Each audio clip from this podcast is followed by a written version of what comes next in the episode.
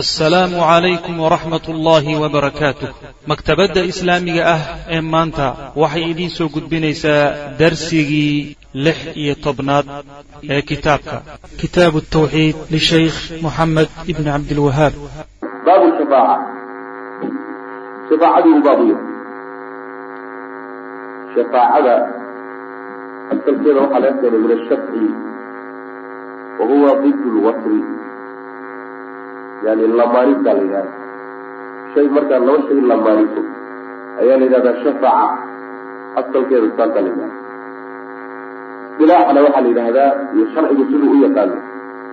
Altawasut lilgayr bijalbi manfacatin aw dafci madara in aada ruux kale adiga ilaahay u dhaxaysiiso ciddaa kale oo isii marayso inuu ama dheef kaaga keeno ciddaad u dhirsanayso ama dhibaad ka cabsanayso kaa badbaadiyo oo xagga kaas kale inuu ka yimaadaad ka cabsanayso saas way macnaha macnaha yani waa midda la yidhaahdo ergada ergada. Inaad ruux dirsato siduu ilaahay subxaana watacaala kaaga ergeeyo kuula hadlo ilaahay la hadlo uu arrimahaaga kala hadlo. Saas way macnaha oo uu yidhaahdo macnaha haddaad dee ilaahay ka doonayso dheef iyo inuu manaafacaad ku siiyo wax ku siiyana inuu isagu codsigaaga kuusii qaado ilaahay kuula soo hadlo. Erge kuugu noqdo. Haddii aad dhib aad ka cabsanayso ama dhibaata ku haysatana dhibaatadaa sidii lagaaga qaadi lahaa inuu ilaahay kuu aado subxaana watacaala oo erge kuugu noqdo shafaacada asalkaysa kala shafaaca saas macana ayib shafaacada noocaasa marka waxaa meesha loo keenay horta baabu shafaaca ayuu sheeku yidhi. Ma odhanin shirki weeye ma banaana iyo way bannaan tahay midna ma odhan. Xugunba ma saarinba wuxuu uga aamusay shafaacada laba qaybood. Qayb sharcigu ogol yahay oo banaan oo jirta iyo mid uun mala awaal ahoo waxba ka jirin muslimujarna oo laakiin dadka qaarkii ay haystaan. Saa daraaddeed maadaama ay qaybsato oo qaar banaan iyo qaar aan jirin iyo qaar jira ay u qaybsato muusan seexu xugminin ee uu ka tegay adiladiisa buu udaayay maa adiladaa xugmin doontaa saas weyaan waxa meesha loogu keeno kitaabu in shafaacada loogu keenay gaaladii nebigu salawatullahi wasalaamu caleyh la dagaalamay. Ee mushrikiintii carabta ahayd. Ayaa shirkiga ay ku dhaceen iyo gaalnimaday ku dhaceen. Kow waxaa ka ahaa sababka ku bixiyey. Kuwa ay caabudeen ee ilaahay garab dhigeen oo ay rumaysnaayeen inay ilahay agtiisa uga ergeynayaan maa saas mayna rumaysnayn saan soo marnayba inay awood buuxda leeyihiin oo ayagu wax tarayaan oy wax bixinayaan wax diidayaan laakiin waxaa ku kalifay inay wax caabudaan oy codsiga u geystaan oo wax weydiistaan oo dhibka kaga cararaan inay ilaahay ugu tagaan subxaana watacaala oo ilaahay ugu ergeeyaan oo ilaahay ula hadlaan subxana watacala saasay rumaysnaayeen ma qur'aankaa inoo sheegi taa iyada qur'aankaa inoo sheegiyo ilahi subxaana watacaala waa ka odhanaya wayacbuduuna min duuni illah ma laa yadurhum walaa yanfacuhum wayaquluuna haulaai shufacaauna cinda allah waxaan dhib iyo dheef midna siin karaynin oon ku biirin karin bay caabudayaan markaasa waxay odhanayaan waa kuwii ilaahay agtiisa looga ergelin lahaa oo waxaanu u caabudaynahay ilaahay bay nooga dhow yihiin oo xagga ilaahay bay wax nooga tari doonaan saas way macana u caabudi jireen maa nacbuduhum ilaa liyuqaribuuna ila allahi zulfa uma caabudayno inay ilaahay nagu dhoweeyaano baahidanada iyo dantanada u geeyaan oy noola hadlaan intaa ubaan u caabudayna marka shirki oo dhan asalkiisu meeshuu ka yimid wa shafaacadaas oo lagu qaldamay iyo wasaafadaasi dhexdhexaadka ilaahay iyo addoomadiisoo la sameeyo oo iyadana khalad khalad loo fahmay taasaa keentay shirki oo dhan asaaskiisa waana midda maanta dadka intiisa badan oo khaladka ku jira. Khaladka ku kalifaysa way rumaysan yihiin inaysa waxba qaban karin makhluuqaad laakiin waxay ku odhanaya ilahay bay nooga dhoweyey oo ilaahay bay noogu shaqeen oo ergey noo noqon oo ilaahay bay macnaha waxa weye noogu tegi oo ilahay bay macnaha waxa weye ay wax nooga keeni ilaa aakhiri. Halkaa wey waa meeshii macnaha waxa weyaan sannadkii horena ka dhacay ee lugti ku simbirraxatay ayib wa qawli illahi caza wajalla wuxuu baab u yahay shafaacada iyo odhaahda ilahi buu yihi subxaana watacaala waandir bihi aladiina yakaafuuna an yuxsharuu ilaa rabbihim laysa lahum min dunihi waliyin walaa shafiicu lacalahum yattaquun waandir dig baa layinayo alla bihi qur'aanka waxaad ugu digtaa alladiina kuwii u dig yakaafuuna cabsanaya oo ka cabsanaya an yuxsharuu in la soo kulmiyo ilaa rabbihim rabbigood in loo soo kulmiyo kuwa cabsidu ay ku jirto in ilaahay loo soo kulmin doono oo la wada keeni doono cabsidaa kuwa qaba qur'aanka ugu jirta laysa xaal ayna u sugnaanin lahum iyaga ayaa la soo kulminaya min duunihi alla sokadiisa weliyun mid u gargaara. Walaa shafiicun iyo mid u ergeeya doona lacallahum yattaquuna si ay u cabsadaan digniintaa u digniintaa gaadhsii si ay u cabsadaan saas maxalushaahidka aayaddu waxa weeye laysa lahum min duunihi waliyun walaa shafiic addoommada marka aakhare laysu keenaayo gaaladu ilaahay agtiisa wax wax uga tari karo u gargaari karana ma jiro cid u ergoon karto oo ilaahay ugu tegi karto oo kala hadli kartana ma jirto macana waa gaal. Aayaddu marka waxay diidaysaa.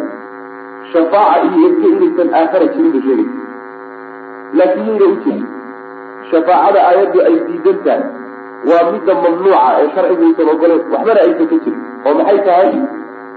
Ka loo shafaaca qaadaye shafaacada doonaya ayaa gaal ah gaal aakhara wax erge la yidhahdiyo shafaaca uma jirto cid arrintiisa qaadi karto oo ilaahay u geyn kartana ma jirto cid ilaahay kala hadli kartana ma jirto kow ama meehe shafaacada waxay tahay shafaaco shirki ku jiro. Oo kan shafaacada doonaya in loo shafaacayo muslim baa sheeg kan macnaha waxa weeye waxbaa shafaaco qaadi odhanayana muslim baa sheeg laakiin shirki weeyaanoo adduunka intii la joogay yaa ilaahay cid aan laga raadiyey subxaana watacaala oo adduunkaaba lagu sii talagalayba kuu shafaaco qaadi. Ama sheekeel baa lagu isku hadlaynayaa isagaa ii shafaaco qaadi doona. Ta noocaasoo kale awey midda la diidaya midda shuruudii sharciga laga helay taas waa la ogolya adiladeedu way noo imaan laakiin ta la diidaya waa ta gaalada. Macnaha waxa weeyaan iyo dadka tawxiidka ka lumay in loo shafaaco qaadayo macna saasay aayaddu diidaysa. Qolyahaasi marka shafaaca ma laha. Wa qawlihi tacaala ayuu baab u yahay. Wa andir udig nebiyow bihi qur'aanka waxaad ugu digtaa aladiina kuwa yakaafuuna cabsanaya an yuxsharuu in la soo kulmiyo ilaa rabbihim rabbigood in intikaa loo soo kulmiyo.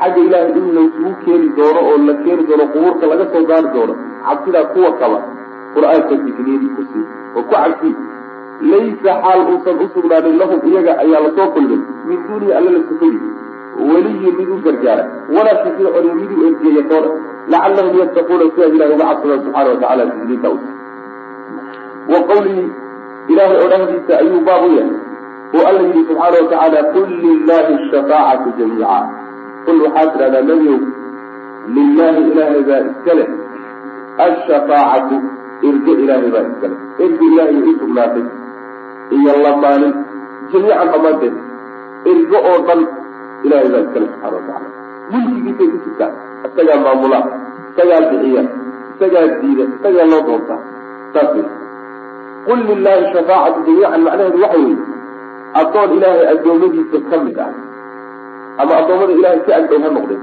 ama kuwa ka fog ha noqdeen addoon ilaahay addoommadiisa ka mida oo shafaaco iyo erge samayn karoo gacantiisa ay ku jirto bixin karoo diidi kara ma laha ilahay bay gacantiisa ku jirtaan kulligeed saas way macana ayib taasna waxay diideysaa oo waxay leedahay sida aayaddii hore oo kale shafaaca oo dhan maba jirtaba oo aakhare wax ergeyn doona maba jiraan nebiyadii iyo awliyadii iyo muttaqiintii iyo mu'miniintii iyo dadkii silsilaa ma ergeyn doonaan miya? May way ergeynayaan may way ergeynayaan laakiin midda ilaahay uu leeyahay isagaa iska leh iyo ergeynta ay kuwaasi ergeyn doonaan iska diidaysa ilahay isagaa iska leh subxaana watacaala si buuxda shafaacada isagaa u maamula laakiin qolyahan shafaaco qaadi doona aakhare marka la tago oo nabigeena hormuud u yahay salawatullhi wasalaamu caleyh oo dadkii muuminiinta ay awliyadu ku jiraan shafaacada ay qaadi doonaan waa si ilaahay subxaana watacaala uu u fasaxay ilaahaygii maamulayay ee lahaa shafaacada ayaa u idmi oo siin oo ku ikraami oo ku sharfaya saas way macana macnaheedu waxa weeye waxaa ku sugan qur'aanka iyo sunnada nebiga salawatullhi wasalaamu caleyh in aakhare marka la tago la ergeyn doono oo ilaahay subxaana watacaala makhluuqaadkiisii addoommadiisa qaar ka mid a ilaahay subxaana watacaala loola hadli doono oo looga ergeyn doono. Oo macnaha waxa weeyaan rabbi subxaana watacaala inuu cadaabka ka baajiyo ama jannada darajaad u dheeraysiyo siinomaa doontaba ilahi subxana watacala codsi noocaas oo kale inay addoommada qaarkood u gudbin doonaan ayaa macnaha yaa iyo qur'aanka labadaba ku sugan. Laakiin shardi bay leedahay. Shafaacadaas shardigay leedahay way noo imaan doontahay ruuxa shafaaco qaaday ee ergada samaynay iyo ki ergada loo samaynahayo wax lala doonayo labadaba horta waa inuu ilahay raalli ka yahay subxaana watacala saas. Waa inay labadooduba tawxiid ku dhintaan waa inay muwaxidiin yihiin. Waa inay mu'miniin yihiin. Mushrik mana shafaaco qaadi karo. Loomana shafaaco qaadi karo. Bal saa meeshaa iska dhig. Shardiga labaad waxa weye ruuxan shafaaco qaadaya ee ergada samaynaya. Waa inuu ilaahay u fasaxo subxaana wa tacaala oo inta dhegta la soo qabto la yidhaahdo warkaalay. Shafaaco qaad hebel loo shafaaco hebelka loo shafaaco qaadaya laftiisa ilaahay subxaana wa tacaala wuuba ku talagalay inuu u dembi dhaafo oo waxaan la weydiinahayo iyo waxaan loola hadlayo inuu fuliyo ilaahay horu u qorsheeyo subxaana wa tacaala maxay tahay faa'iidada ku jirta marka ergadan maxaa faa'iidada ku jirta? Haddii ilaahay horay u qorsheeyey hebel oo muslim ah ama mu'min oo dembile laakiin oo aakhare yimid inuu ilaahay u dembi dhaafayo cadaab geynaynin oo dembigiisa u dhaafayo haddiiba ilaahay horay u qorsheeyey kan ilaahay ula hadlayo ee u ergoonayo ee u ergood la leeyahay maxaa faa'iida ku jirtaay? Waa wax horay loo qorsheeyey. Faa'iidada ku jirtaay waxa wey horta marka koowaad waxaa lagu maamuusaya oo lagu sharfayaa oo lagu qadarinaya kan wax ergeynaya kan ergeynaya ayay maamuus u tahay. Maxaa yeele khalaa'iqdii oo dhan oo meesha tuban marka inta la soo istaajiye la yidhaahdo kaalay shafaaco qaadoo hebel u ergeen isaga tiisii meel waa horaa meel la dhigay macana isaga tiisii waa horaa meel la dhigay oo ilaahay agtiisa qiimayn iyo sharaf buu ku leeyahay. Saa daraaddeed baa manaafacaadkiisi nin kale u gudbeen.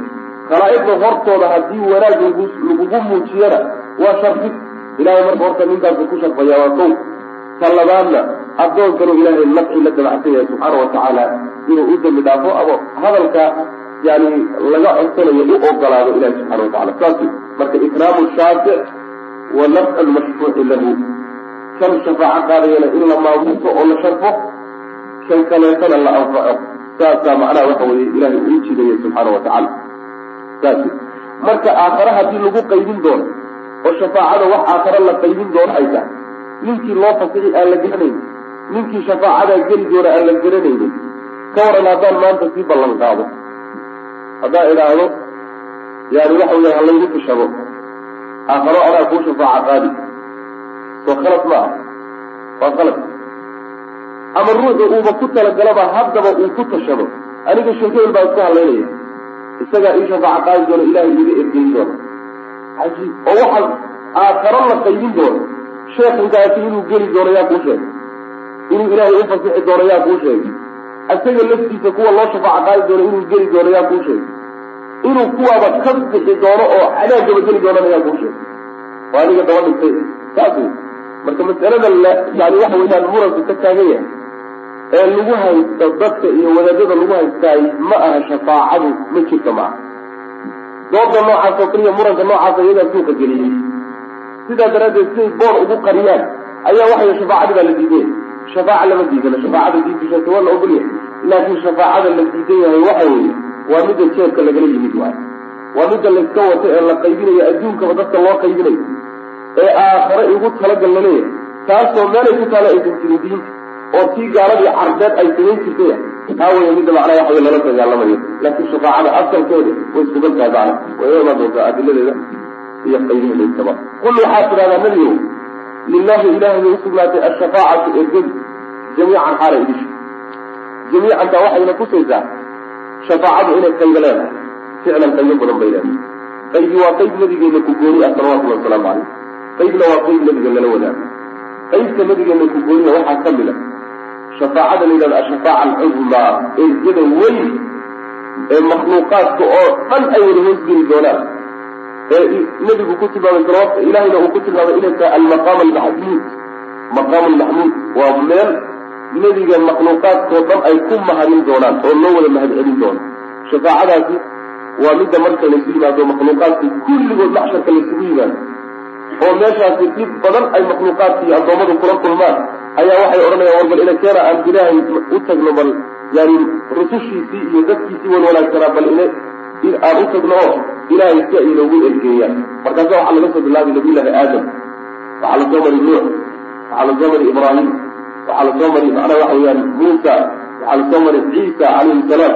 Kulligood markay u tagaan ayuu nin walba wuxuu odhanaya war hawshaasi hawlaan geli kara maa ilahay maanta cadho wuxuu cadhaysiiya uusan hadda ka hor cadhoonin arrintaas hawshaydii ma. Ilaa nebi maxamed loo yimaaday salawatullahi wasalaamu caleyh waa dadkii makhluuqkao dhan isku duuban wey markaasuu nebigu salawatullahi wasalaamu caleyh fadhiga ka kacaya uu odhanaya maanta waa saydi carshiga hoostiisu ilahay ugu sujuudi subxaana wa tacaala markaasaa rabbi la hadlayaa wuxuu odhanayaa maxamedow madaxa kor u oo dhulka ka qaad oo waxaad doonaysa weydiisa waa lagu siina oo ergee ergadaada waa la aqbaliya markaasaa nabigu sal alay slam ilahay wuxuu weydiisanayaa inuu makhluuqaadka ka dhaqaajiyo ka dareeriyo meesha ay tugan yihiin oo ilahay kala xugmiyo subxana wa tacala markaasaa waxaa la furaya xisaabtii baa la furaya marka. Marka taasi waa midda maqaamulmaxmuudka oo shafaaca alcudmaa la yidhaha nebi maxamed keliya iskale salawatullahi waslamu caleyh cid la wadaagta ma jirto makhluuqaadkao dhan baana soo gudagelaya gaalna iyo macnaha waxa weeye muslimba ayib ta labaad ee nebiga ku goonidaas salawatullahi wasalaamu caleyh waxa weye iyaduna inuu nebigu u shafaaco qaado. Inuu u shafaaco qaado yani dadka ahlu jannada ah. Markii loo xugiyo jannada gala la yidhahdo oo ay dareeraan oo jannada albaabkeeda ay tagaan jannada albaabkeeda xidhan bay tegay ilaa nebigu salawatullahi wasalaamu caleyh nebi maxamed intuu yimaado loo furo la furi maayo. Furitaankan jannada laysu furayo mu'miniinta loo furayana nebigay tahay shafaacadeedu salawatullahi wasalaamu caleyhi oo cidinama wadaagta yadan. Ta saddexaadee nabigeena aan lala wadaagay salawatullahi wasalaamu caleyhi waxa weeye nin gaal ah in loo shafaaco qaado cadaabka laga takfiifiyo laga wada saari maayo. Waa adeerkii abu aalib adeerkii abi aalib gaal sidiisaba shafaaca ma anfacay. Abu aalib wuxuu ka soo haray abu aalib baa laga soo reebay. Abu aalibna shafaacada nebigu wuu ergeynaya cadaabkao dhan ka soo saari mayso. Laakiin inta cadaabka salkiisa laga soo saaro yaa waxaa la geynayaa meel cadaabka xeebtiisa lugaha ayuu marka cadaabka kula jira. Cadaabkaa lugaha uu kula jirana maskaxda la karay. Saas marka intaas ayadana waa khaas bay nabigeena ku tahay salawatullahi wasalaamu caleyh shafaacada kale waa lala wadaagaa nabiga sal alay waslam isaguna uu shafaaco qaadiy qeybkiina uu shafaaco qaadaya. Masalan waxaa ka mid ah dad cadaab mutaystay oo mu'miniin ahaa. Iimaan iyo tawxiid ku soo dhintay laakiin dembi weyn la yimid oo cadaab in la geliyo mutaystay ayaa loo ergeynaya markaasaa cadaabkii laga baajinaya jannaasaa lagu geynaya waa mid. Ama ma ahee dad yani waxa weeyaan jannada naarta galay. Dad naarta galay oo mu'miniin ah ee tawxiid ahaa oo naartii ku dhexirooday oo ku rafaaday oo iyagana naartii sidii looga saari lahaa laga ergeeyo ayagana dad badan baa ka qayb qaadan doona. Oo nabigeena ka mid yahay salawatullahi wasalaamu caleyh awliyadu ka mid tahay dad mu'miniina ay ka mid saas wey qaybta saddexaad waxa weeyaan dadka mu'miniinta ee jannada galay ee jannada loo xawiyey darajooyinkoodii in la kor yeelo oo camalkoodii ay la yimaadeen darajaduu geyn lahaa darajo ka sarraysa in la geeyo. Waa qayb iyaduna shafaacada nebiga iyo kayrkiiba ay wadaagaan ka mida wey marka qaybahaasoo dhan baa qaybaha shafaacada macna ayib wa qawlihi tacaala buu baab u yahay man kee weye daakaas alladii midkaasoo yashfacu ergeynaya cindahu ilaahay agtiisa cidda ka ergeeyay waa kuma ilaa biidnihi ilahay idankiisa mooyaane. Waa istifhaam inkaari awey talow waa kuma ninka awoodda u leh inuu ilaahay agtiisa erge ka sameeyo uusan ilaahay u ogolaanin oo u fasaxin ma dhici kartaa abadan. Iskabadaa allah subxaana wa tacaala oo khaaliqu lmakhluuqaade jabbaara asamaawaati waalardi iska badaaya xataa makhluuqaadka kuwa madaxda ah ee awoodda leh majliskooda markaad fadhido.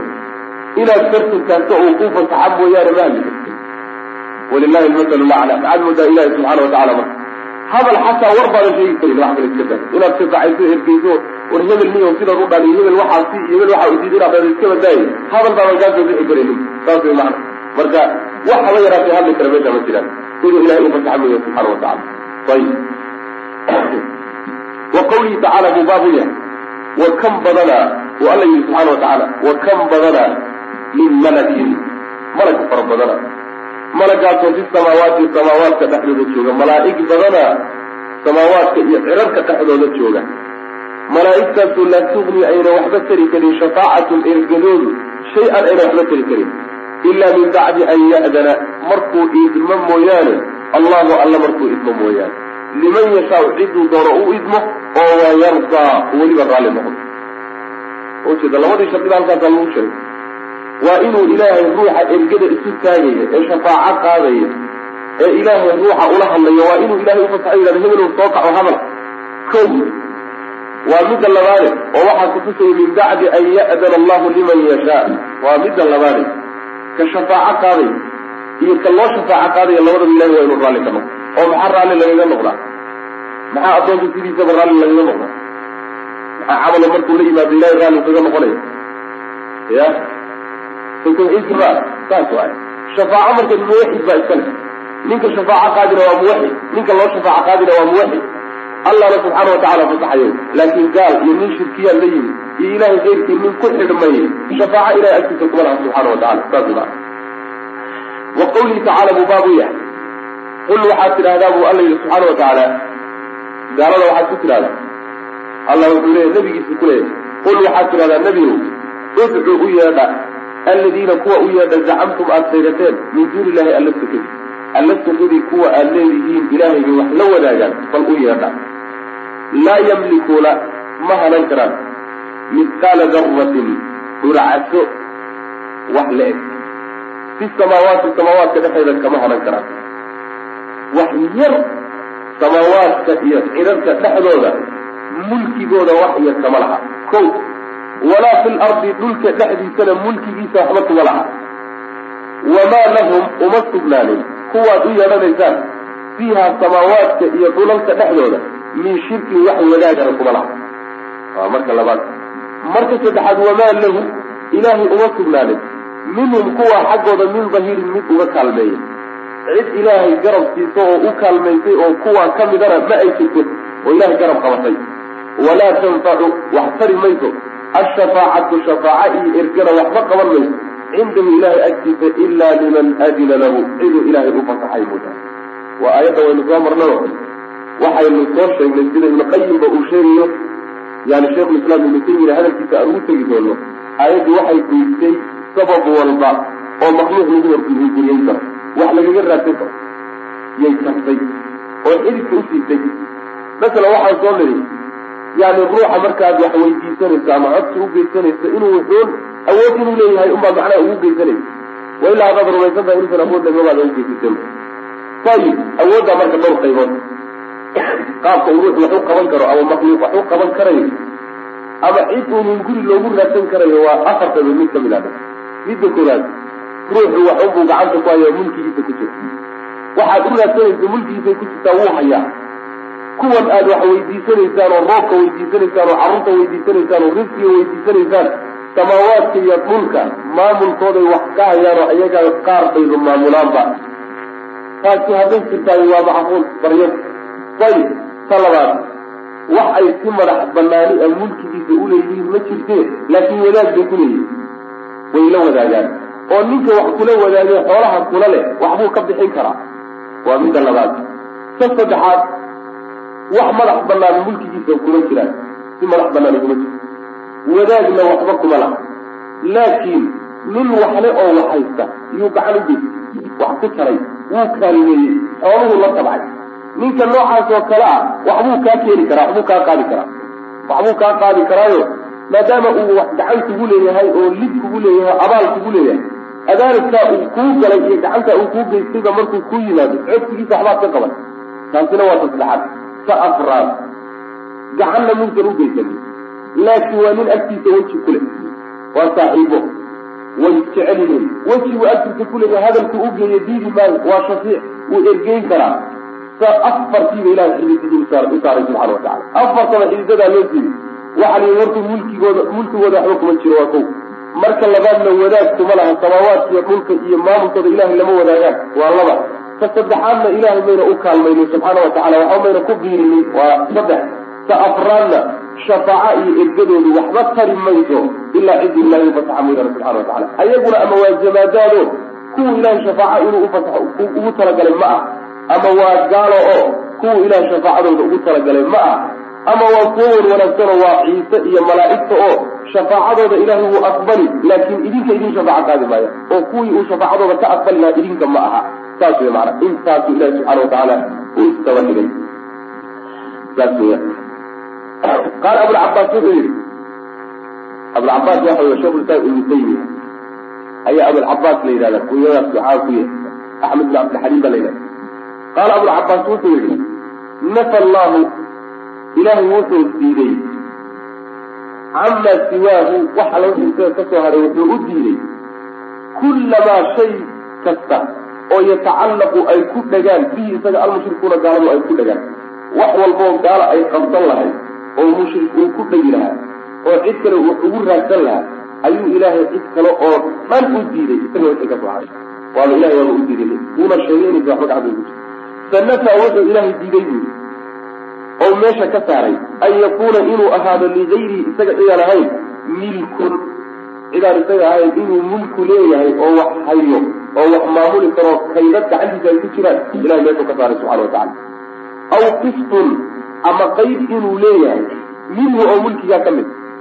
Waxaa kaloo ilahay meesha ka saaray inuu mulkiga qayb kuleeyahy wadaag kuleeyahayna ilahay meeshuu ka saaray. Waa midda labaad. Aw amase waxaa kaloo ilahay meesha ka saaray yakuunu inuu ahaado inuu cid un ay tahay. Cawnan mid u kaalmayso lilahi ilahay u kaalmayso. Waata saddexaad walam yabqa markaa ma hadhin jid kasta oo cid wax loogu raadsan lahaa ma uusan hadhin ila shafaacatu erga mooyaane. Erga unbaa markaas ayib tabayana markaasa alla wuxuu caddeeyey annaha ergaduna laa tanfacu inaysan anfacaynin oyna cid wax taraynin ila liman adina ciduu u idma mooyaane lahu isaga alrabu alla ciduu u idma mooyaane. Cidii ilaahay u idmay unbay shafaacadu anfici wa. Idinkana ciddii loo idmay mamatiin kama qaala siduu ilahay u yihi subxana watacaala walaa yashfacuuna ma ergeynayaan oo uma ergeynayaan ila liman irtadaa malay cidduu ilaahay raalli ka noqday mooyaane. Cidda loo ergeeyey waa ciduu ilaahay raalli ka noqday. Ki ergeyna waa ninuu ilahay raalli ka noqday subxana watacala fa hadihi shafaaca shafaacada iyo ergadaasi allatii tii weeye yadunnuhaa ay moodayaan almushrikuuna gaaladu ay moodayaan say gaaladu ismoodsiinahayaan oo dadku ay moodayaan inay yani heli karaan wey hiya iyadu muntafiyatun waa mid la diiday oo jiri wey yowma alqiyaamati maalinta qiyaamada kamaa nafaaha alqur'aanu qur'aankuba suu u diiday oo wa akbara nabiyu sal lay slam nabiguna uu u sheegay. War shafaacadaad ku talagashantihiin ood isku hadlaynaysaan mid aakhara jiri doonta ma aha. Qur'aankuna waa sheegay. Nabiguna salawatulli wasalaamu aleyh waa sheegay. Waa ka xadiidka nebiga wuxuu nebigu sheegay anahu ya'ti inuu imaan doono.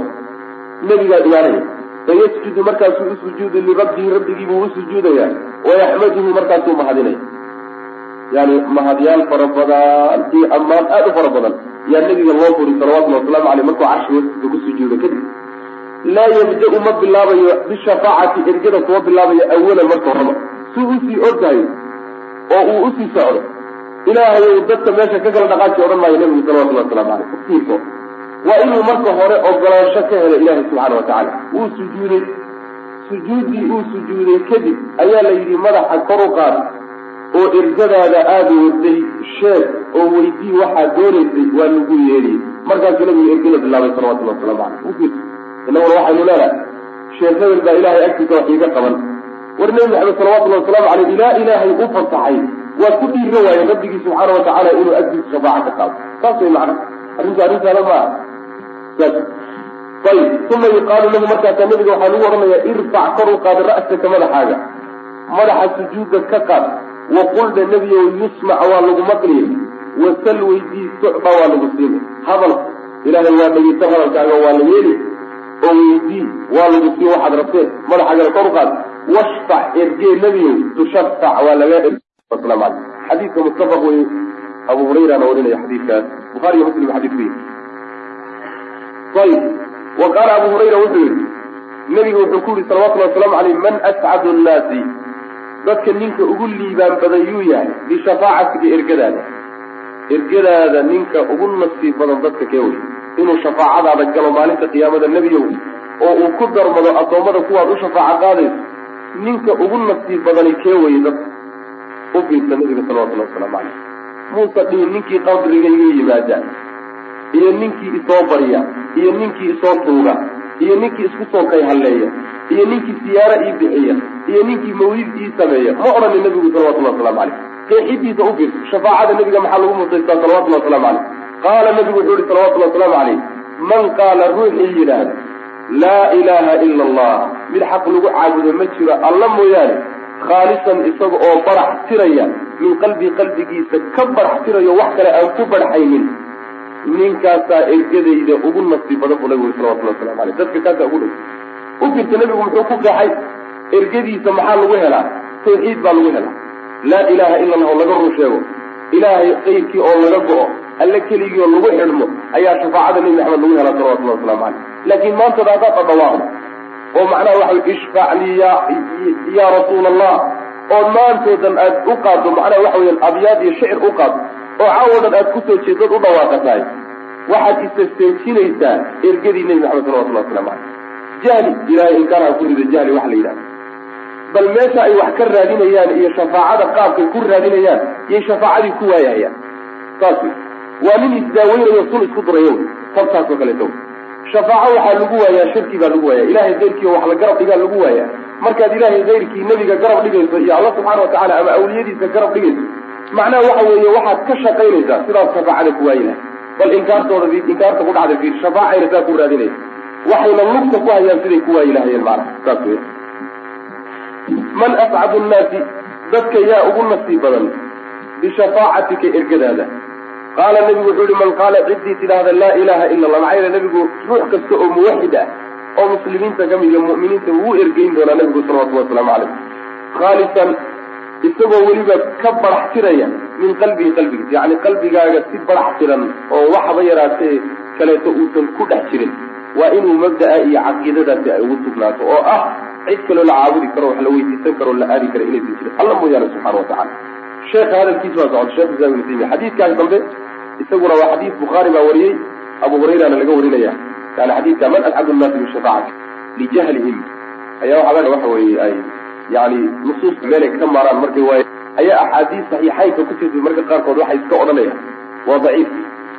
Waa daciif ii sheegayaan xadiidkii aan marnay ee odhanayay ninkii shahaadada qira jira oo ciisa inuu addoonkii ilaah qira ee ku soo marnay inay bukhaari iyo muslim soo saareen yaa mid loo geeyey. Meeluu ka maro markuu waayay bu i xadiidkaasi waa kuwa bukhaari iyo muslim buu ku yaalla buu daciif ku yahay waa macnaha tadciifinoo hawa-a wey wixii adiga uun kuwaafaq waay waxaaga ka hor yimaada. Dariishada kala dhaxway saas. Fa tilka midaasi ashafaacatu ee shafaacadii shafaacada marka nebiga iyo keyrkiiba ay samayn doonaan liahli likhlaas dadka tawxiidka tawxiidka dadkiisa ayay ilahay idankiisayna ku yeelanayaan. Walaa takunu mana ahaanayso liman cid u ahaan mayso ashraka billahi ilahay cid kale la wadaajiy addoommada ilaahay ciddii wax ugu daraay oo shirki ku dhacaay waxba ka heli maayo shafaacada iyada. Wa xaqiiqatu xaqiiqadiisu waxa weeye ana allaha alla subxaana watacala macnaha shafaacada xaqiiqadeedu qeexaya. Ana allaha alla subxaana watacaala huwa isagu alladii midka wey yatafadalu ku tafadulaya calaa ahli likhlaaq tawxiidka dadkiisa ayuu ku tafaduli alla subxaana watacaala isagaas dheeraadkaas siinaya fayakfiru lahum ilahay markaasuu u dembi dhaafi dadkii ahlu tawxiidka ahaa biwaasitati ducaai man ruuxa baryadii oo adina ugu idmay lahu ilaahay uu u idmay yacni ayuu ugu dembi dhaafaya.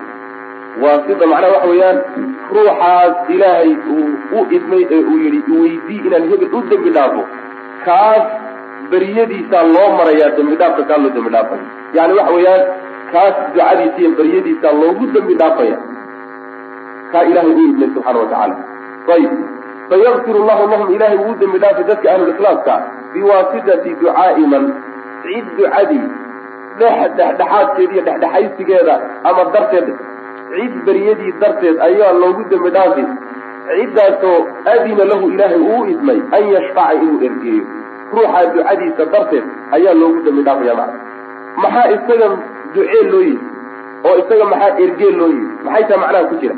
Liyukrimahu inuu ilaahay maamuuso daraaddeed ayaa shafaacada loogu idmay. Oo wayanaala inuu gaadho almaqaama meesha almaxmuuda ee la mahadinayo meel la mahadiyana oo loogu wada mahad celiyo.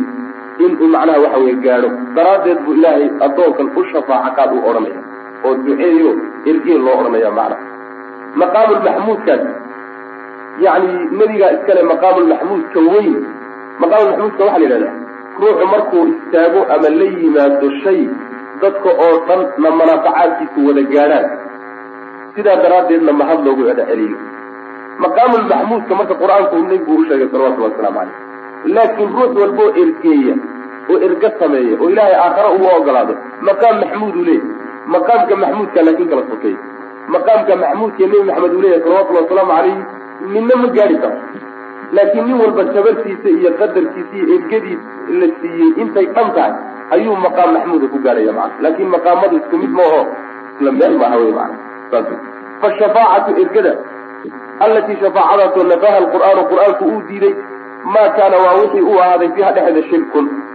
Waa shafaacada ilaahay addoommadiisa la garab dhigaye addoommada laga raadinaye laga dalbayo wey macana walihaada sidaa daraaddeed buu asbata wuu sugay ashafaacata shafaacadii ayuu sugay biidnihi ilaahay idankiisa shafaaco lagu qaado ayuu alla sugay fii mawaadica meelo badan buu ku sugay qur'aanka meelo fara badan bay ku soo arortay shafaacada ku xidhan ilaahay idankiisa iyo fasixiisa iyo ogolaanshihiisa inay jirto macna waqad bayana nabiyu sal lay sl nebiguna wuxuu caddeeyey annaha shafaacadaasi laa takunu inaysan ahaanaynin oo aynan helaynin ila liahli tawxiid walikhlaas dadka ikhlaaska iyo tawxiidka dadkiisa mooyaane cid kale inaysan helayninna nabigu waa caddeeyey salawatullah waslamu caleyh oo hadalkii hadda aan soo marnay man ascadu nnaasi bishafaacatika man qaala laa ilaha ila allah mukhlisan min qalbihi. Xadiiskaasu nabigu ku caddeeyey sal lay sl fiihi masaa'il baabkan masaa'il dhowraa ku jirta alula masalada koowaadi waxa weeye tafsiru laayaat aayadihii la fasiro aayaadkan soo marnay.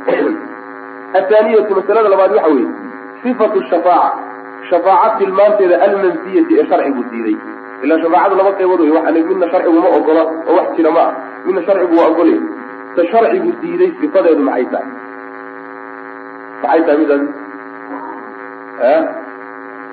waa midda shirkigu ku jiro. Ashafaaca alati fiha shirku wa athaalidatu masalada saddexaad waxa weye sifatu shafaaca.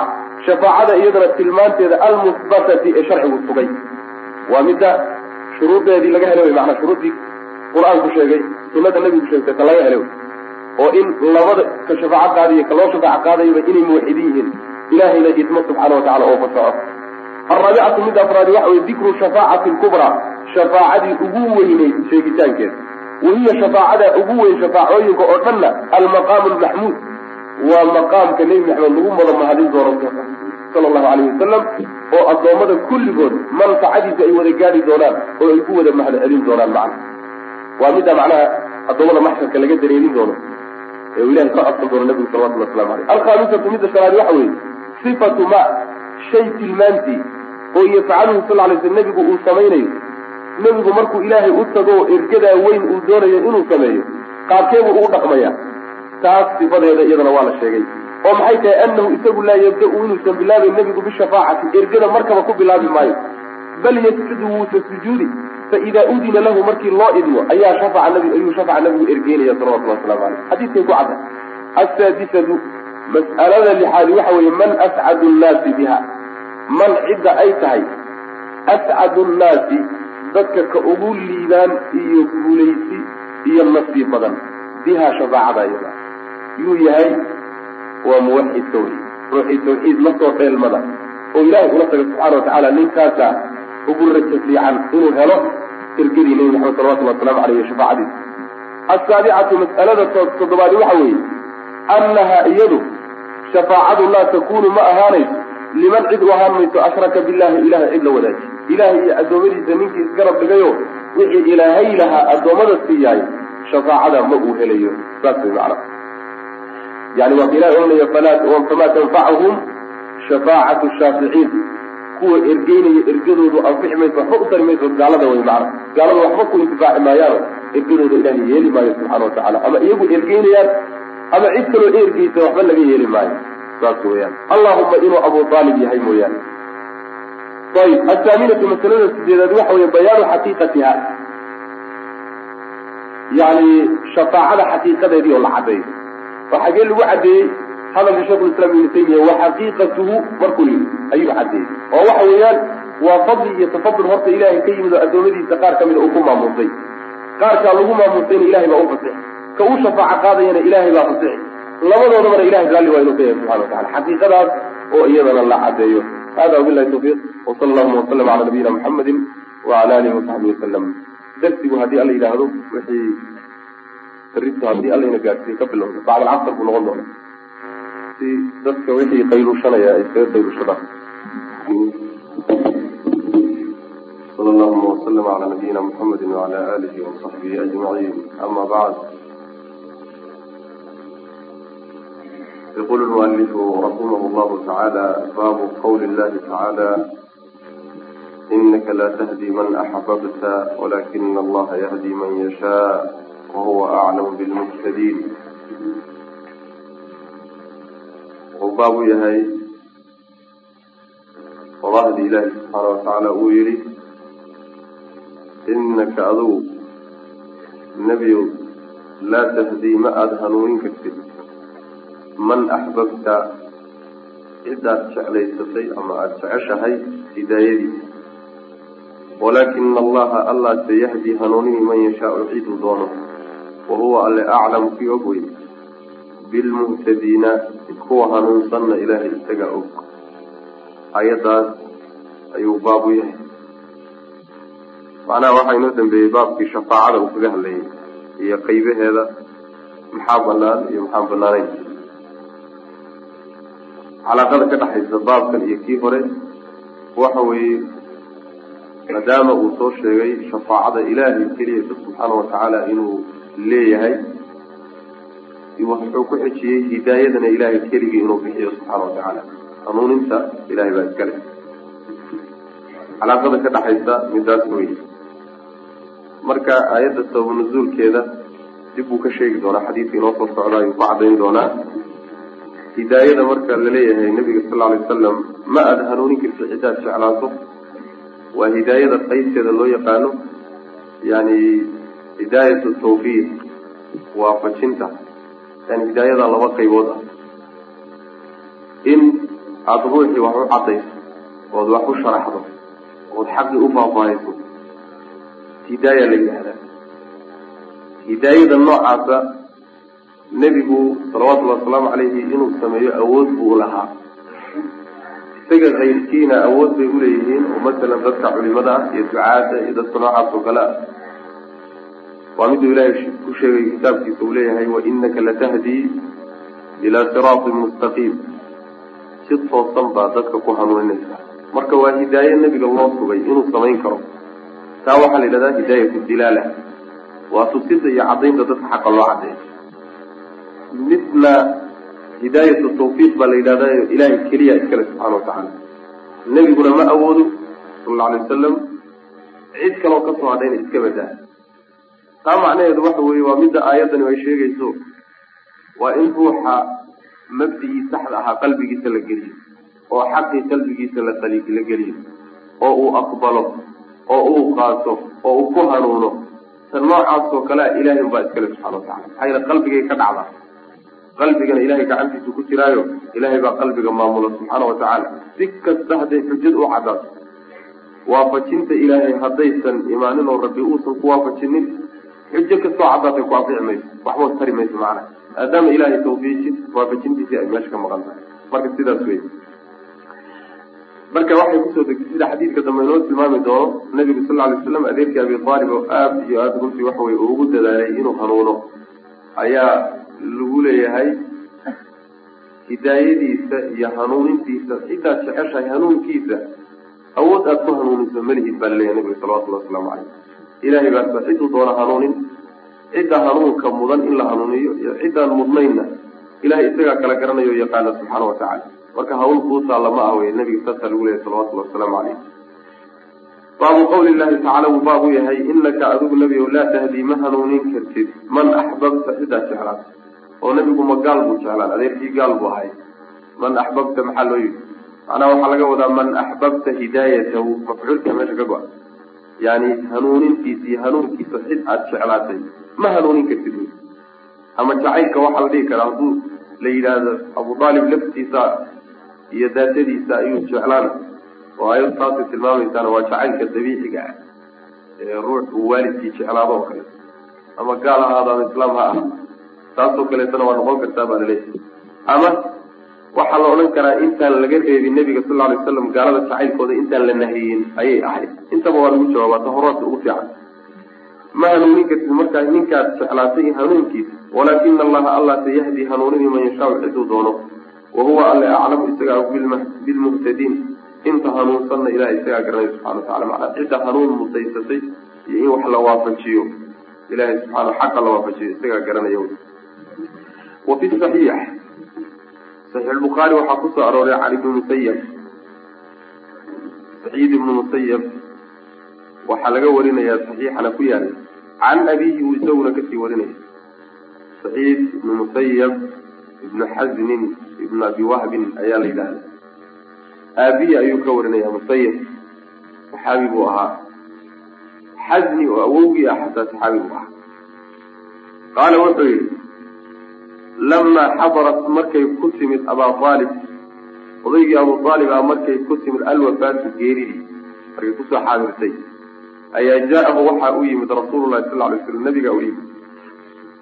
Walxaal cindahu isagoo abu jahal agtii walxaal cindahu cinda abi aalib abu aalib agtiisa isagoo ay joogaan cabdullaahi bnu abi umayata waa abu jahli labadaa nin isagoo ay abu aalib la joogaan iyuu nebigu u soo galay salawatullhi wasalaamu caleyh isagana markaasi geerida muqadimaadkeedii baa ka muuqdo sariirtu saaraya faqaala lahu markaasuu nabigu wuxuu ku yuri sal lay slam yaa cammi adeerow qul waxaad tidhaahdaa laa ilaaha ila allah mid xaq lagu caabudaa ma jiro alla mooye dheh buy kelimatan dheh laa ilaaha ila allahudaa laga bedelay kelimatan dheh kelimadaasoo uxaaju aan xujeeyo laka adiga aan kuu xujeeyo biha iyada cinda allahi ilahay agtiisa. Kelimo ilahay agtiisa xujo aan ka dhigo oo kugu doodo oo ilaahay subxaana watacaala aan macnaha waxa weye agtiisa xujo aan kaagala hadlo ka dhigto yani waxa weeyaan dheh faqaala lahu labadii ag fadhiyada marka waxay ku yidhahdeen atargabu miyaad nici abu aalibu can millati cabdilmualib aabbaha cabdilmualib diintiisii miyaad ka tegiyood nacaysaa fa acaada calayhi nabiy sal ly slam nabigu markaasuu ku celiyey yaa cam qul laa ilaha ila allah kelimatan axaaj uxaaju laka biha cinda allah yuu nabigu ku celiyey.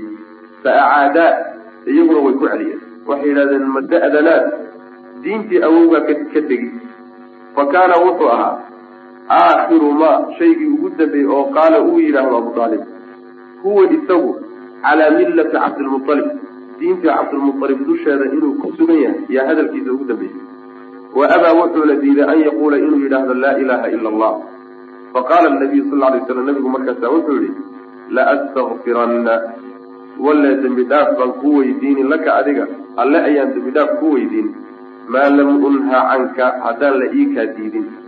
Duusan ilahay iikaa diidin macnaha baryada aanad ilahay ku weydiinayo haddaan laiga reebin.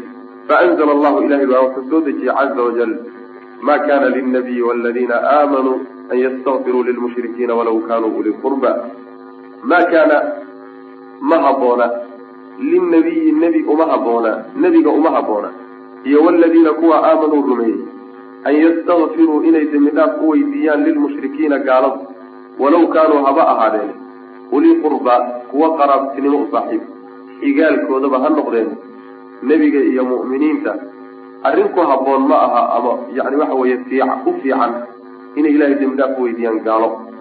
Alaaya wa anzala allahu ilahay wuxuu soo dejiyey fii abi aalibin abi aalib arrintiisana waxaa lagu soo dejiyey aayadan. Inaka adigu baa la yidhi nebiyow laa tahdii ma hanuunin kartid. Man axbabta hidaayatahu hanuunkiisa cid aada jeclaatay. Walaakina allaha alla sayahdi hanuunin. Man yashaau ciduu doono. Wa huwa alle aclamu isaga og bilmuhtadiina inta hanuunsan. Macnaha abu aalib wuxuu ahaa nabiga sal lla alay slam adeegtiisu ahaa. Nin oday ahoo odayaashii reer qureysheed ka midana wuu ahaa.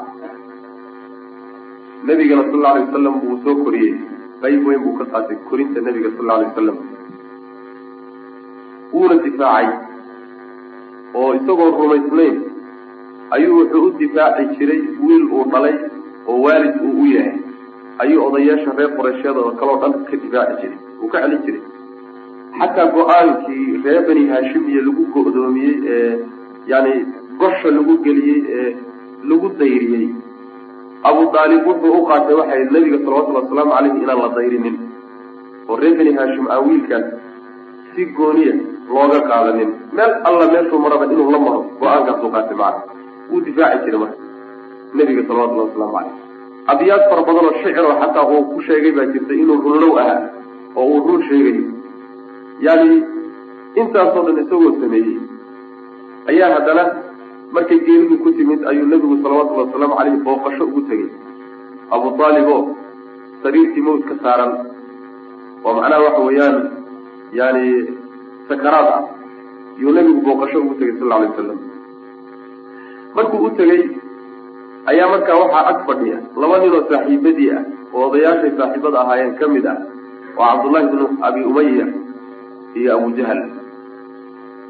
Markuu u tegay nebigu sal alay wasalam abu jahal wuxuu u bandhigay tawxiidka kelimatu tawxiid inuu qaato oo islaamo.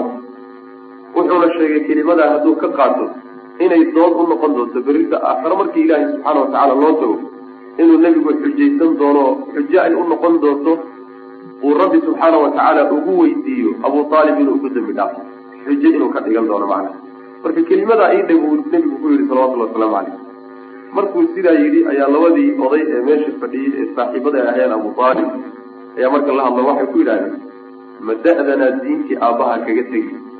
Ood nici intaa diintaad soo haysatid abka soo gaadh iyo awowka soo gaadh iyo isirka soo gaadh waxaad soo haysan jirtid miyaad maanta adiga oo geeri qarka u saaran baad ka tegi laxadaadkaagii ugu dambaysay ee nolosha miyaad nici oo ka tegaysaan ku yidhaha yacni waxoogaa way qiiro geliyeen xamaas iyo waxay yaro geliyeen ficillo awowga iyo aabbaha iyo waxay uleeyihiin waa diinul aabaa waxoogaa ficillay dhalinaysaa saasay ku yidhahdeen.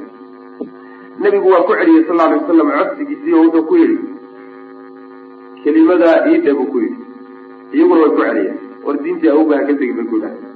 Nin weynoo da-daas oo hadda markuu sii geeriyoonahayay la yidhaahdo diintii aabihii waa ka baxay.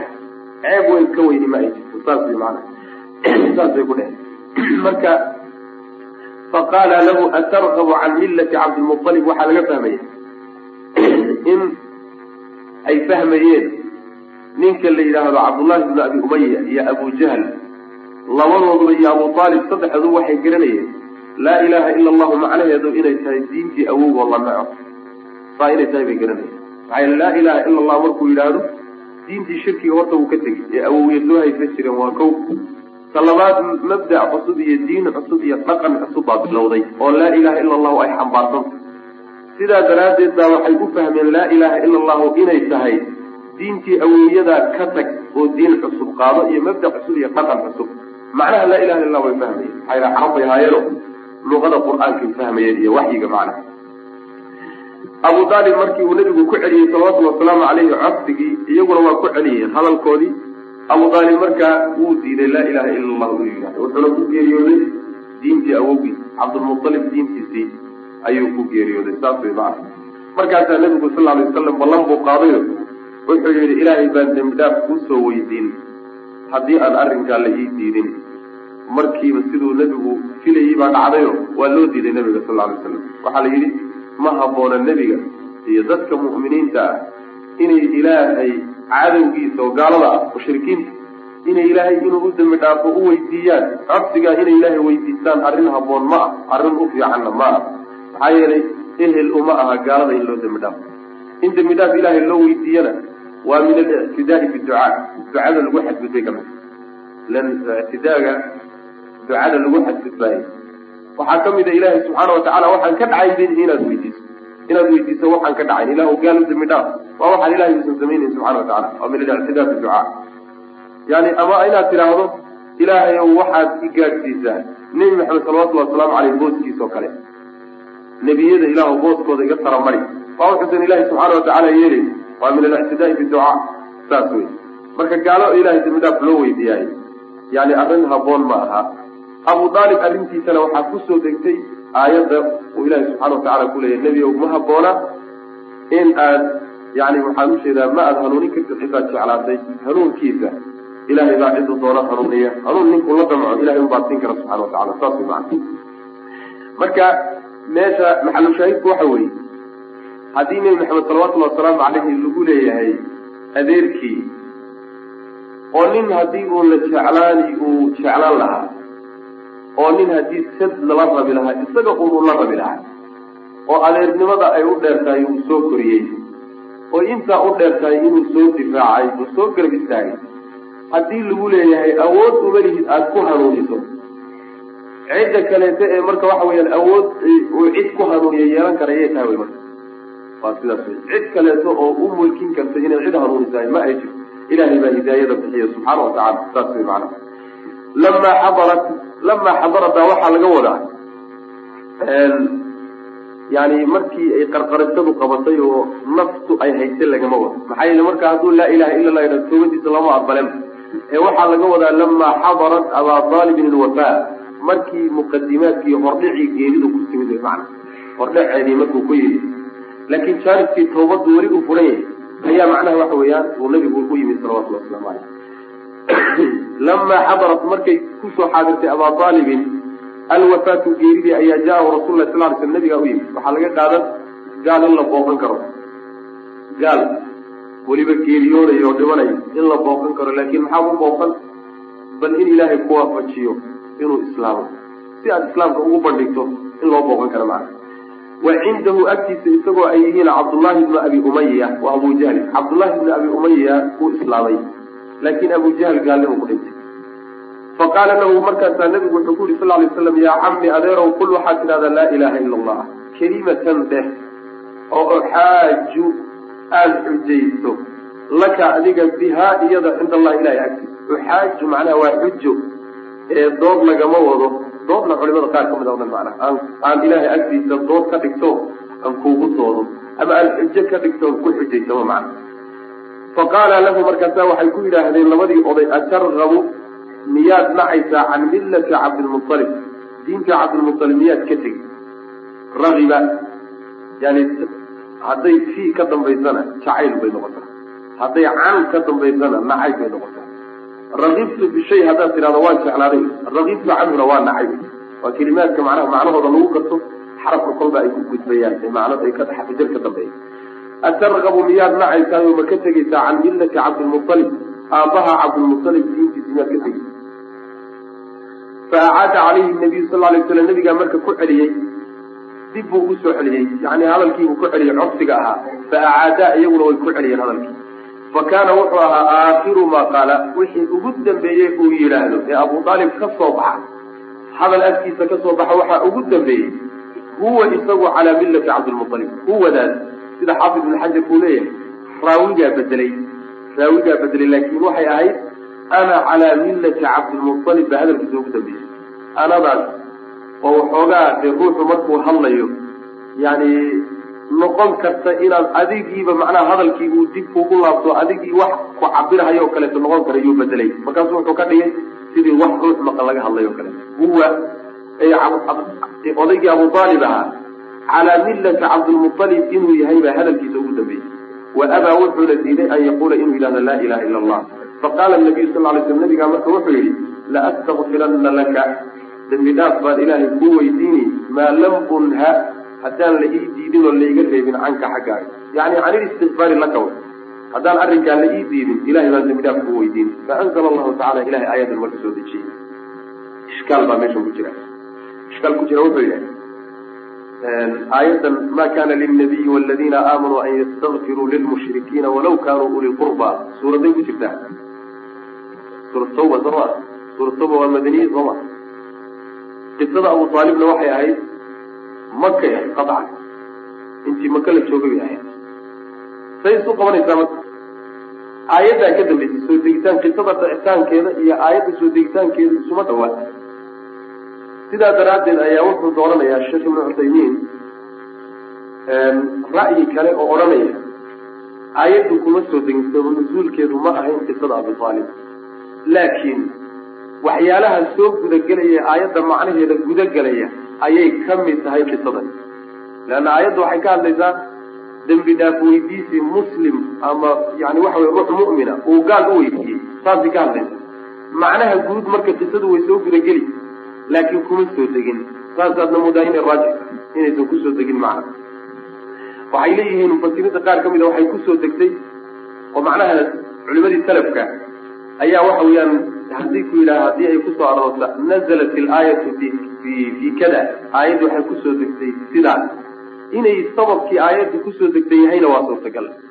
Inaysan ku soo ka hadlaysay inuu qayb ka mida yahayna waa suurtagal macna taa dambaad moodaa marka inay tahayo aayaddu waa ka dambeysay dhacdadan madiinay ahayd aayaddu macna faanzla allahu ilahi wuxuu soo dejiyey caza wajala maa kana lilnabiyi nebiga uma ahaanin ma kana haddii yani waxa wey ma kana lilnabiyi siiqadaas oo kale iyo ma kana linabiyin iyo ma kana lakum iyo ma yanbagi iyo laa yabqi yanbagi waa isku macaani waay macnaheedu waxa weeyaan waa arrin aan suurtagal ahayn wax aada u fog oon suurtagal ahayn marka laga hadlayo ayaa ma kana likada la yidhahdaa.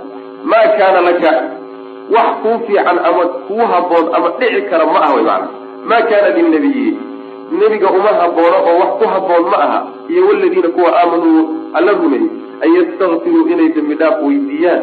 Lilmushrikiina gaalada inay ilahay dembi dhaaf weydiiyaan. Walow kaanuu haba ahaadeen gaaladaasi uli qurbaa kuwa qaraabtinimo ku saaxiib ah yani kuwa xigaalkaaga haba noqdeen maxaa yele ilahay marna u dembi dhaafi maayo subxaana watacala codsigaaguna aada ilahay ka codsanaysana waa codsi khaldan wey macna.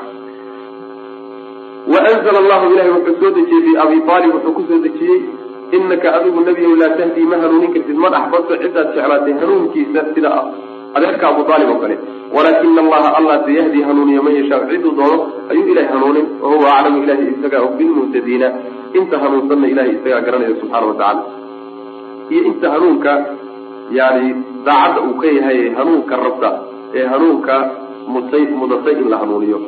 Fiihi masaa'il qolya mufasiriinta ka mida waxay leeyihiin waladiina aamanuu an yastakfiru lmushrikiina. Ma kana linabiyida ayaddaa waxay ku soo degtay nabiga sal alay waslam hooyadii.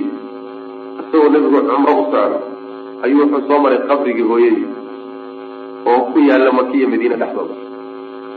Markaasaa ilaahay wuxuu weydiistay inuu u ogolaado inuu hooyadii ila dembi dhaaf u weydiiyo in loo fasaxo. Waa loo diiday marka nabiga salawatullahi wasalaamu caleyh aad buu u ooyey oo u murgay nebigu sal alay waslam axaadiis saxiixasaa ku soo aroortay. Waa loo diiday inuu macnaha ilaahu hooyaday u dembi dhaaf idiyo maxaa yeelay gaalnima ku dhiman sida nabiga aabihii oo kaleeto salawatullahi wasalaamu caleyh marka taasay ku soo degtay. Codsigaa nabigu uu ilaahay weydiistay. Ayay ku soo degtay ma kana ma waladiina aamanuu an yastakfiruu lilmushrikiin walaw kanuu uli qurba waa suurtagal fiihi masaa'il baabkan masaa'il dhowra ku alula masalada koowaadi waxa weye tafsiru qawlihi tacala ilahay qawlkiisa oo la tafsiiriyo inaka laa tahdi man axbabta walakina allaha yahdi man yashaa maxaa yeele xadiidkaa fasiraya inay sababkay ku soo degtay uu ahaa adeerkii abi aalib athaaniyatu mida labaad tafsiru qawlihi tacaala ma kana lilnabiyi waladiina aamanuu an yastakfiruu lilmushrikiina walaw kanuu uli qurba goorma ayayna ku habooneen kuwa in dembi dhaaf loo weydiiyo min bacdi ma tabayana markay caddaatay kadib lahum mu'miniinta iyo nebiga markay u caddaatay kadib annahum kuwa gaalada iyo mushrikiintu asxaabu ljaxiim jaxiima yani waxa weye dadkeeda inay yihiin jaxiima dadka geli doona inay yihiin macnaha markay gaalnimo ku dhintaan marba hadduu gaalnimo ku geeriyoodo ilah u dembi dhaaf fadhi hadduu nool yaho gaalnimo ku nool yahayna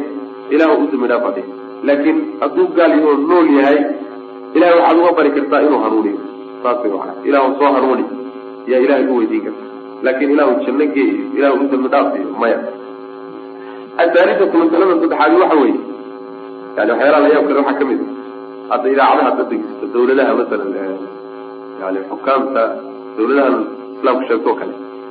Markay nin yani boqorada ama madaxda adduunka ka mid a ama nin caan ahaa markuu geeriyo. Waxaad maqlaysaa almarxuum fulan ibnu fulan saas idaacadaha ka siisanaya almarxuum fulan ibnu fulan oo goormaa gaal loo naxariis. Yani gaal iyo islaamba marxuumkaasi kelimatu marxuum bay u adeegsanayaan. Marba hadduu ninku agtooda qiimo kaleeyahay marxuum bay odhanaya ilahi subxana watacala gaal uma naxariis. Athaalidatu masalada saddexaad waxa wey hiy almas'alatu lkabiira waa mas'alada weynanka badan wey baabkan mas'alada ugu weyn wey oo maxay tahay tafsiru qawlihi. Qawlka nebiga oo la fasiro uu nebigu yihi qul laa ilaha ila allah hadalkiisaasoo la fasiro. Bikhilaafi ma shay wax garab marsanna lagu fasiro. Shaygaasoo calayhi dushiisa ay ku sugan yihiin man yaddaci dadka sheeganaya alcilma aqoon iyo cilmi dadka sheeganaya macnaha ay ku fasirayaan macno ka gedisan lagu fasiro. Oo muxuu yahay sabab dadka cilmiga sheeganaya sheekhu uu tilmaamaya waxay u badan tahay inay yihiin nimanka la yidhahdo mutakalimiinta almutakalimuun ahlulkalaamka nimanka la yidhahdo falsafo iyo kalaam iyo meesha ukacay ee tawxiidka rububiyada la yidhaahdo ku fogaaday tawxiid luluhiyana waxba ka aqoonin oo garanaynin kuwaasay u badan tahay maxaa yeelay iyagaa waxay ku fasireen laa ilaha ila allah waxay yidhahdaan laa khaaliqa ila allah saasay dhahan laa qaadira cala alikhtiraaci ila allah cid wax abuuri kartoon alla ahayn ma jirto kelimatu tawxiid bay fasiraya cid risqi bixin kartoon alla ahayn ma jirto cid macnaha waxa weeyaan wax maamuli kartoon alla ahayn ma jirto saasay ku fasiraan. Waana tafsiir khalada wey maca dalika culimay sheeganayaano. Waa rar fuxuul ah wey markay macnaha wax niqaashahayaan oo ay hadlahayaan oo hadalkooda hadlayaan abwaabta yaqaanaan markay ka hadlayaan. Mutakaliimiin maca dalika laa ilaha ila allah macnaheeda ma garanaya laa ilaha ila allah kama hadlayso. Tawxiid rububiya kama hadlayso. Tawxiid rububiya gaalada xataa waa qirsanaayeen oo laa khaaliqa ila allah quraysh way ogolay laa qaadira cala alikhtiraaci ila allah way ogolaayeen laa raaziqa ila allah quraysh way ogolay gaala waa ogolay sida qur'aankuba sheegay. Laa ilaha ila allahu oy diideen oo markii la yidhi dhaha ay yidhaahdeen atargabu can millati cabdilmutalib macnaha kuma tusayso ay ogolaayeen. Ee macno ay diidan yihiin bay kutusiyo waxay kutusaysaa dhaqankooda iyo camalkooda iyo ictiqaadkooda ayaga ka fulaya inay ilahay u gooni yeelaan subxana watacala waana midtaa midka muranku ka taagna macnaha waxa weye laa macbuuda xaqin ama laa macbuuda bixaqin ila allah. Cid la caabudo oo loo yeedho oo la baryo oo wax la weydiisto oon alla ahayn ma jiro subxana watacala macnaha wey macnaha kelimatu tawxiid ay kutusayso mutakalimiintii ahlulkalaamkuna ay garan waayeen macna. Araabicatu masalada afraad waxa weye ana abaa jahlin ninka abu jahl la yidhahdo waman macahu iyo inta la jirankiisa ah yacrifuuna waxay garanayaan muraada nabiy sal lay sl nabiga ujeedadiisay garanayeen. Id qaala markii uu yihi lirajuli abu aalib markuu ku yihi qul laa ilaha ila allah ujeedaduu nabigu leeyahay abu aalib waxaan ujeeda abu jahl iyo raggiisu waa garanaya faqabaxa allahu allaha xumeeyo oo wejigiisa haadiha ku xaarto man cid abu jahlin ninka abu jahl la yidhahdaay aclamu uu yahay mid ka yaqaana minhu xaggiisa biasli lislaami islaamka asalkiisa. Nin uu abu jahl islaamka ka yaqaano wejigiisa haad waa ku xaarto kaasi waxa wey gaariga ku dhacdo. Abu jahl laa ilaha ila allahu dheh markii la yidhi wuxuu gartay laa ilaha ila allahu inay tahay mabda'an iyo dhaqankii awowyada waad ka guuriyo.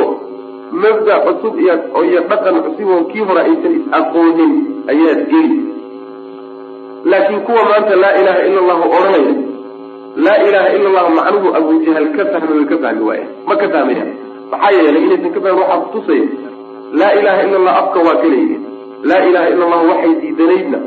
Addinkay kala imaanayaanoo qubuurtii bay aadayaanoo ilahay keyrkii baa weydiisanaya. Laa ilaha ila allah waa dhaqan madax banaan eh. Dhaqamo kale iyo mabaadi kale iyo dastuurro kale isku maamulaya iyo xeertajab kale. Laa ilaha ila allahuna afka waa kalayidhi wixii awowyadoodu ay ka soo gaadheen ee laa ilaha illa allah ka hor imaanaya bay iska wataan oo jeebabka ku wataan.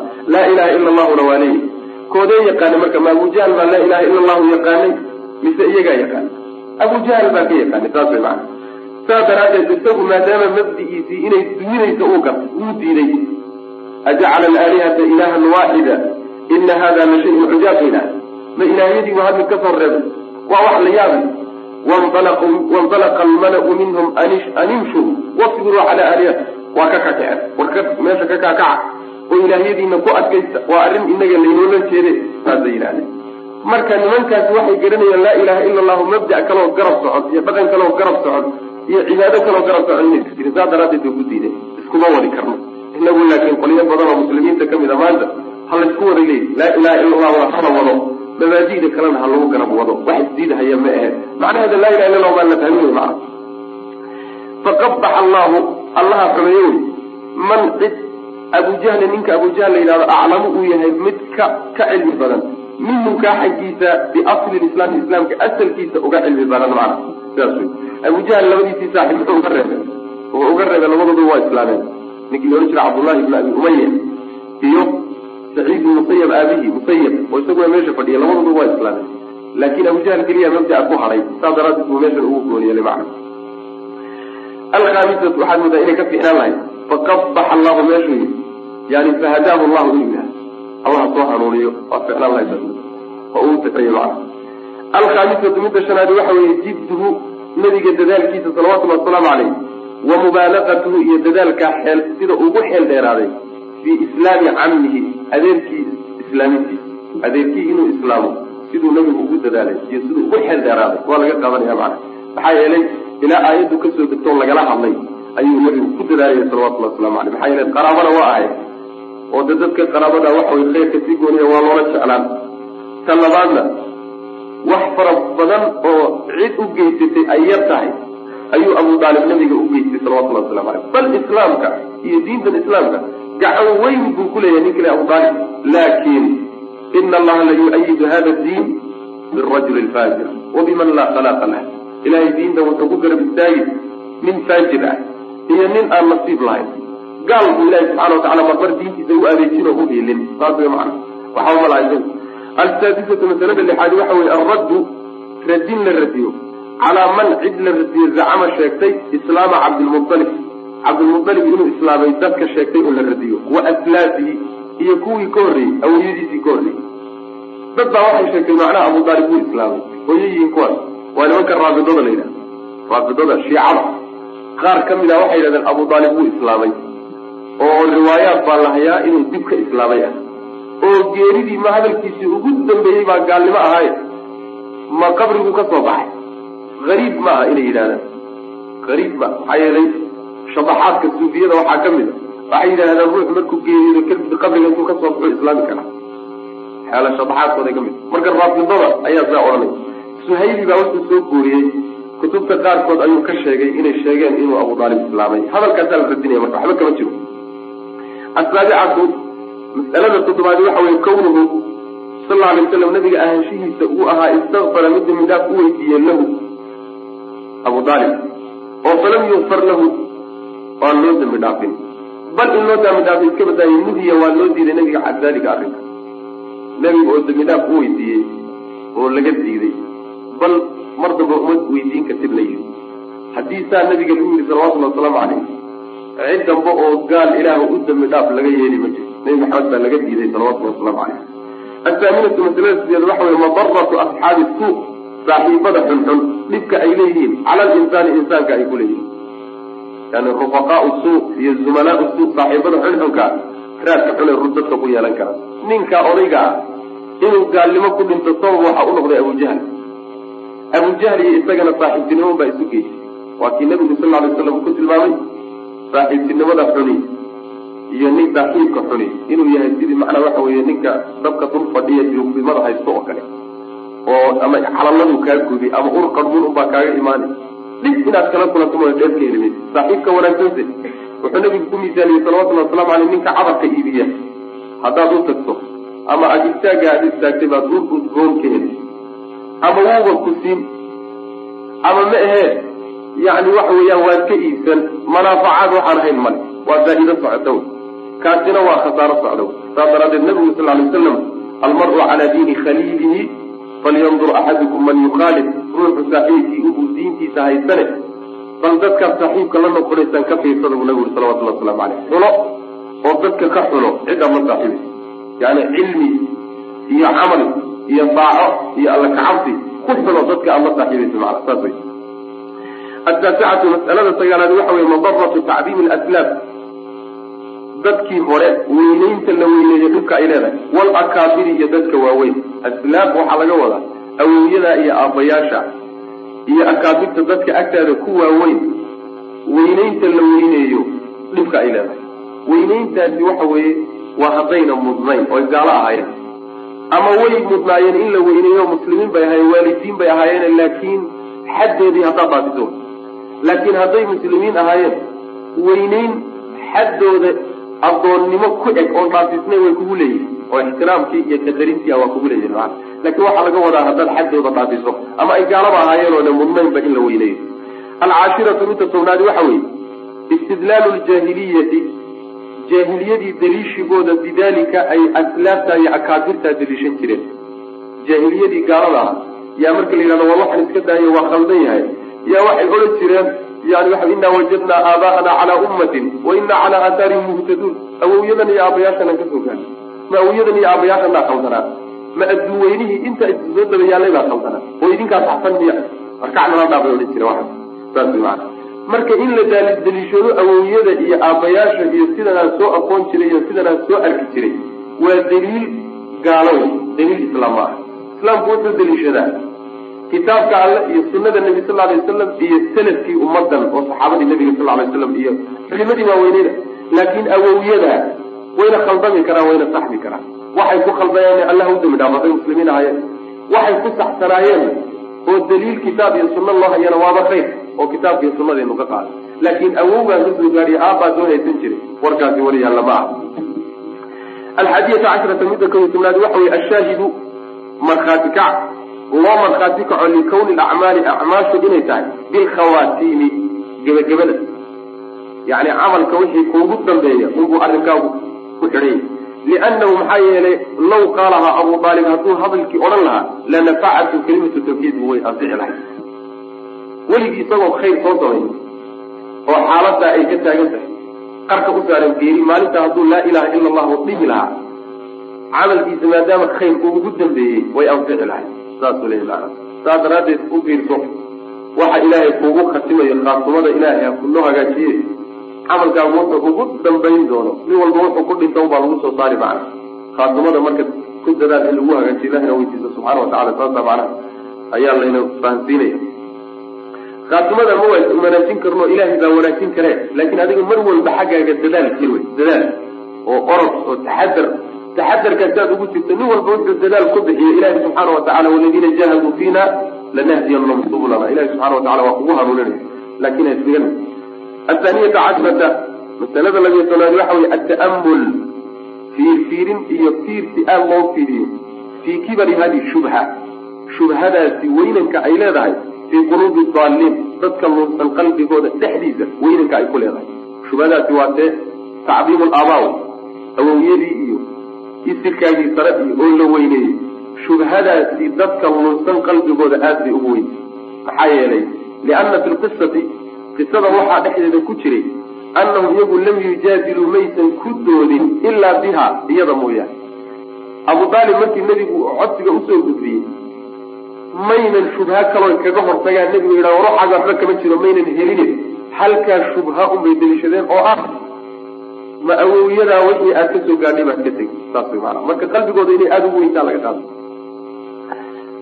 Maca mubaalagatihi sal alay wasalam yani iyadoo weliba nebigu uu ku xeel dheeraaday wa tikraarihi iyo celcelintiisa isagoo nebigu aada ugu xeel dheeraaday inuu bal adeerkii ka qanciyo in hanuuniduu hanuuno iyo weliba isagoo ku celceliyey ayay haddana hal xujo oo kale sheegeen ma jirto. Oon ka ahayn ma awowyadaabaad ka tegi waxaad ka soo gaadhay.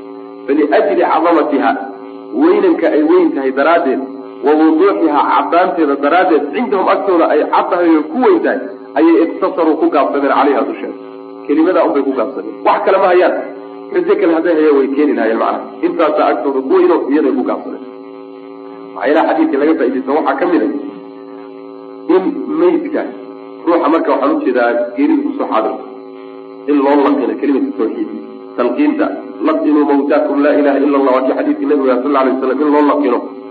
Oo weliba waxaa la odhanaya laa ilaha waa loo meerinaya macnaha laa ilaha ila allahu dheh maxaa yeelay hadafkiisa ruuxay kelimadaasi u dambaysta oo ku geeriyoodaan jannadu geli bu nabigu uri salawatullah waslamu caleyh sida weliba sawaabka ee saxda waxa weeye waa loo meerini oo lagu undul akrin maayo sida kutubta qaarkeed ku qoraan culimada qaarkood ay leeyihiin yani si uusan qalbigiisa u karaahaysanin ama markaa ruuxu waa dhilban yahay uusan iga daaya u odhanin oo halkaa dembi uusan uga soo gaadhin laa ilaha ila allahu unbaa dushiisa lagu sheeg sheeg laakiin dheh la odhan maayo. Saa culimada qaar ka mid a odhan. Laakin fii musnadi axmed waxaa ku asaxay xadiid saxiixa oo nebigu sal alay wasalam uu amray nin intuu u soo galay buu yihi waxaad qul laa ilaha ila allah muxtabar oo lagu soo xaadiray. Marka qul baa la odhanaya dheh baa la odhanaya saas wey looma baahna marka ta'wiilaadka kale xadiidkaas uu warinaya imaam axmed maadaama uu jiro. Waana xadiid saxiix. Oo waxaa tasxiixiyey xaakim iyo dahabi nasir diin alalbani axkaam aljanaais ninkii doona waa u laaban karaa. Walaalayaal darsigaani halkaas ayuu ku eg yahay. Allah tabaaraka wa tacaala waxaan ka baryaynaa inuu nagu anfaco. Assalaamu calaykum waraxmat ullaahi wa barakaatuh